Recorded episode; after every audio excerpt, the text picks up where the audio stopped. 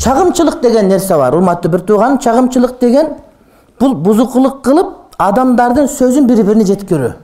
Сөз болгон чындык. Айтып атканың чындык. Бирок бирөөнүн сөзүн бирөөгө экөөнү уруштуруп жиберүү үчүн жеткирип аткан болсоң мына чагымчылык. Анан бирөө сүйлөдү мактады булчу эшмат жакшы эшмат жакшы деп айтып барсаң бул жакшы нерсе. Бирок бул мындай деп айтканын айтып барсаң билесиң ушуну айтып барсаң экөө урушуп кетет.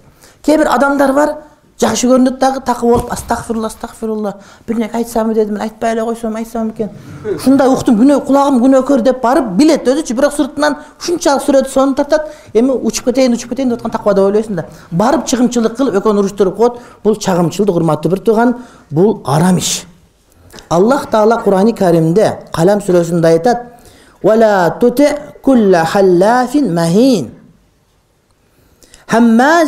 مشاء بنميم مناع للخير معتد أثيم ولا تطع итаат кылба сен дейт кимге ар бир касамкорго валла деп эле касам иче берет өлүп кетейин туз урсун нан урсун канга тийип берем тузга тийип берем бирнеке бирнеке дәрттесең бала дейт автомат оозунда касамы даяр турат да кечке касам иче берген адамдан жакшылык болбойт урматтуу бир тууганым бул арабтарда көп ошону үйрөнүп биздикилер да касам ичкен адат кылып алышкандар бар да андай болбойт да урматтуу бир тууганым касамды көп ичкен касамкор кыргызда касамкор деген сөз бар да ар эмне касам кор деген эмне? Эмне деген сөз? Бул көп кат деген сөз мисалы үчүн. Пактакор дегени пакта терет деген сөз мисалы үчүн. Э, чымкор дегени эт көп жейт деген сөз. Уйга чымкор деп коет. Чымкор уй экен бул деп коет мисалы үчүн. Дагы корго кандай сөз бар? Бир нерсе кор деп коет. Камкор көп кам көрөт деген бирөө камкор ата деп коет. Эмнеге кам көп көргөн адамды камкор ата деп коет урматтуу бир. Чайкор дейт жанагы чай көп ичкендерди да. Анан бул жерде касамкор дейт. Касам көп ичкенди дейт. Махин хакир пәс адамдар дейт. Пәс адамдарды ээрчибегиң дейт. Пәс болуп касам ичкин ичпегин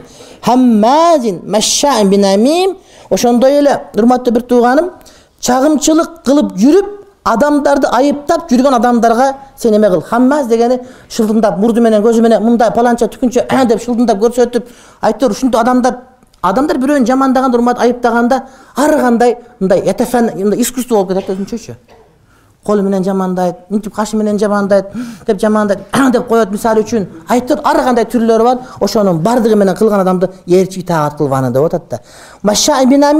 Жана чагымчылык кылып басып жүргөн адамдарга итаат кылба дейт. Анткени чагымчы жакшы эмес. Чыңгыз хандын убагында бирөө келип жетек сата турган болсо дароо башын алат экен.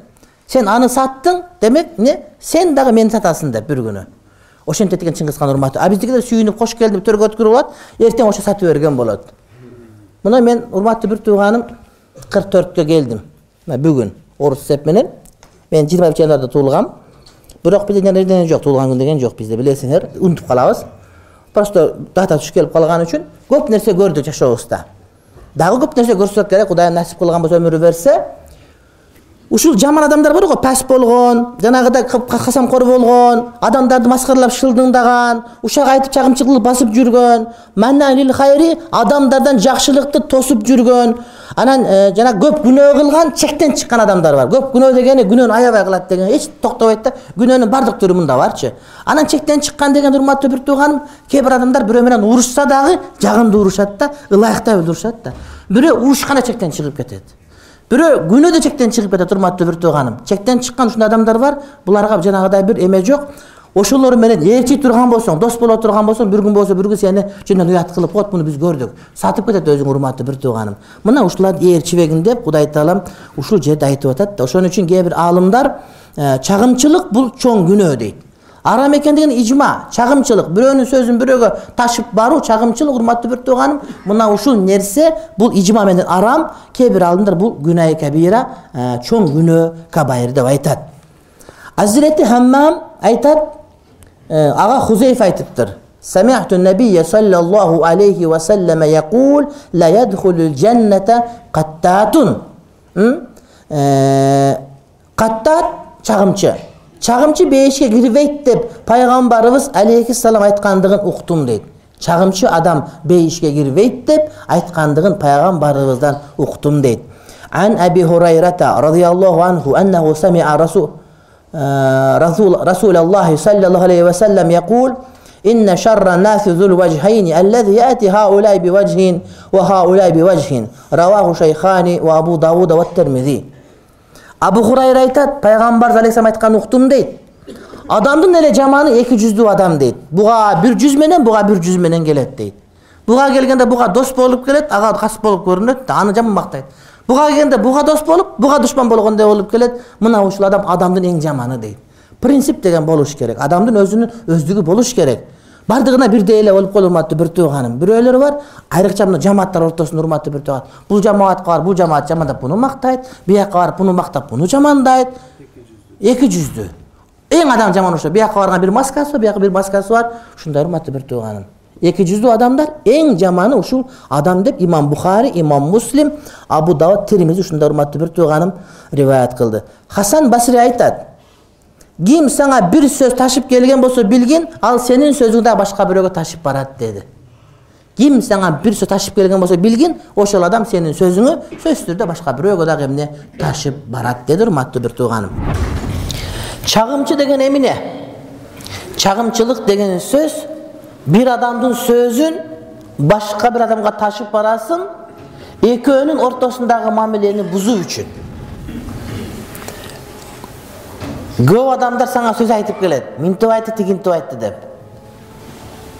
Ал эгер пайгамбар болсо жакшы хадис айтып атыптыр деп угасың. А бир чоң шейх болсо илимде угасың. Жөн эле бир адам болгон болсо ошол адам эмне үчүн айтып келет анын сөзүн?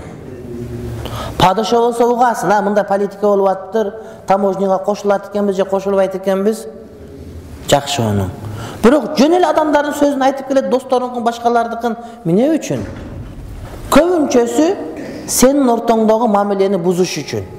Тагыраак айтканда ага болгон сенин пикириңди өзгөртүп ага болгон сенин ырайым мээримиңи өзүнө буруу үчүн айтып келет. Мына ошентип бирөөнүн сөзүн ташып келе турган болсо бузуу ниетинде мына ушул чагымчылык деп эсептелет. Аллах таала курани каримде айтат ал калам сүрөсүндө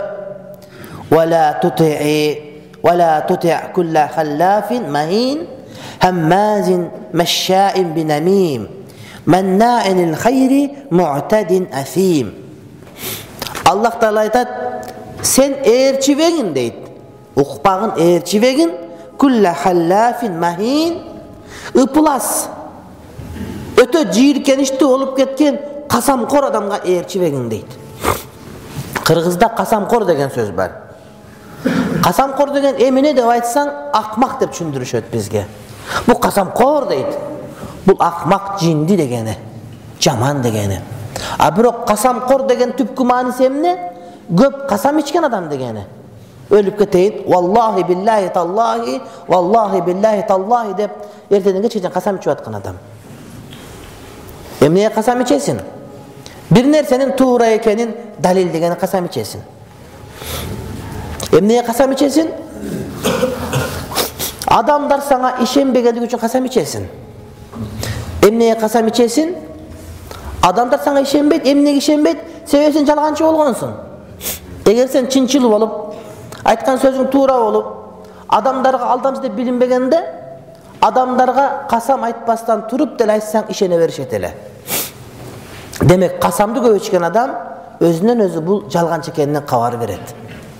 Касам көп ичкен касамкор ыплас адамдарды ээрчибегиниң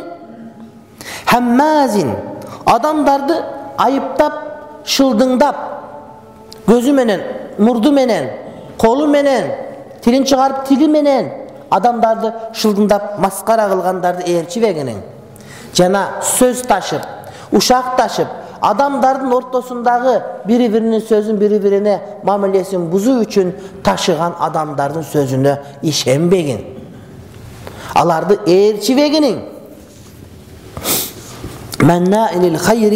жакшылыкты көп тоскон адамдарга дагы ээрчибегиниң дейт. Бир адам жакшылык кылбайт. Адамдарды дайыма жакшылыктан тосуп кылган иши жакшылыктан тосуу болот. Жакшылыктарды тосуучу адамдар мына ошолорду ээрчибегиниң дейт. Башка бирөөнү жакшылыктан тосуп аткан адам сага дагы жакшылыгын ыраа көрбөйт. Асим жана күнөөкөр адамдарды ээрчибегиниң анткени адамдар өзү барган жака сени ээрчитип барат. Мына азыр шайлоо болот деп партиялар биригип атат. Партиялар лидерлери өздөрү адамдарды издеп атат мага кошул деп атат. Алар кытайдан келип калган же асмандан түшкөн эмес биз менен чогуу жашап жүргөн адамдар ошолордун баардыгынын ким экенин билесиң гезитти окуп атасың телевизорду көрүп атасың өзүң деле аралашып жүрөсүң анан ошолорду ээрчип шайлоого бара турган болсоң мына ушундайларга ээрчибегиниң мусулмандарга тиешелүү мыйзам чыгара турган мыйзам боло турган болсо ошол мыйзамга кол көтөрбөстөн жакшылык тоскондор бар.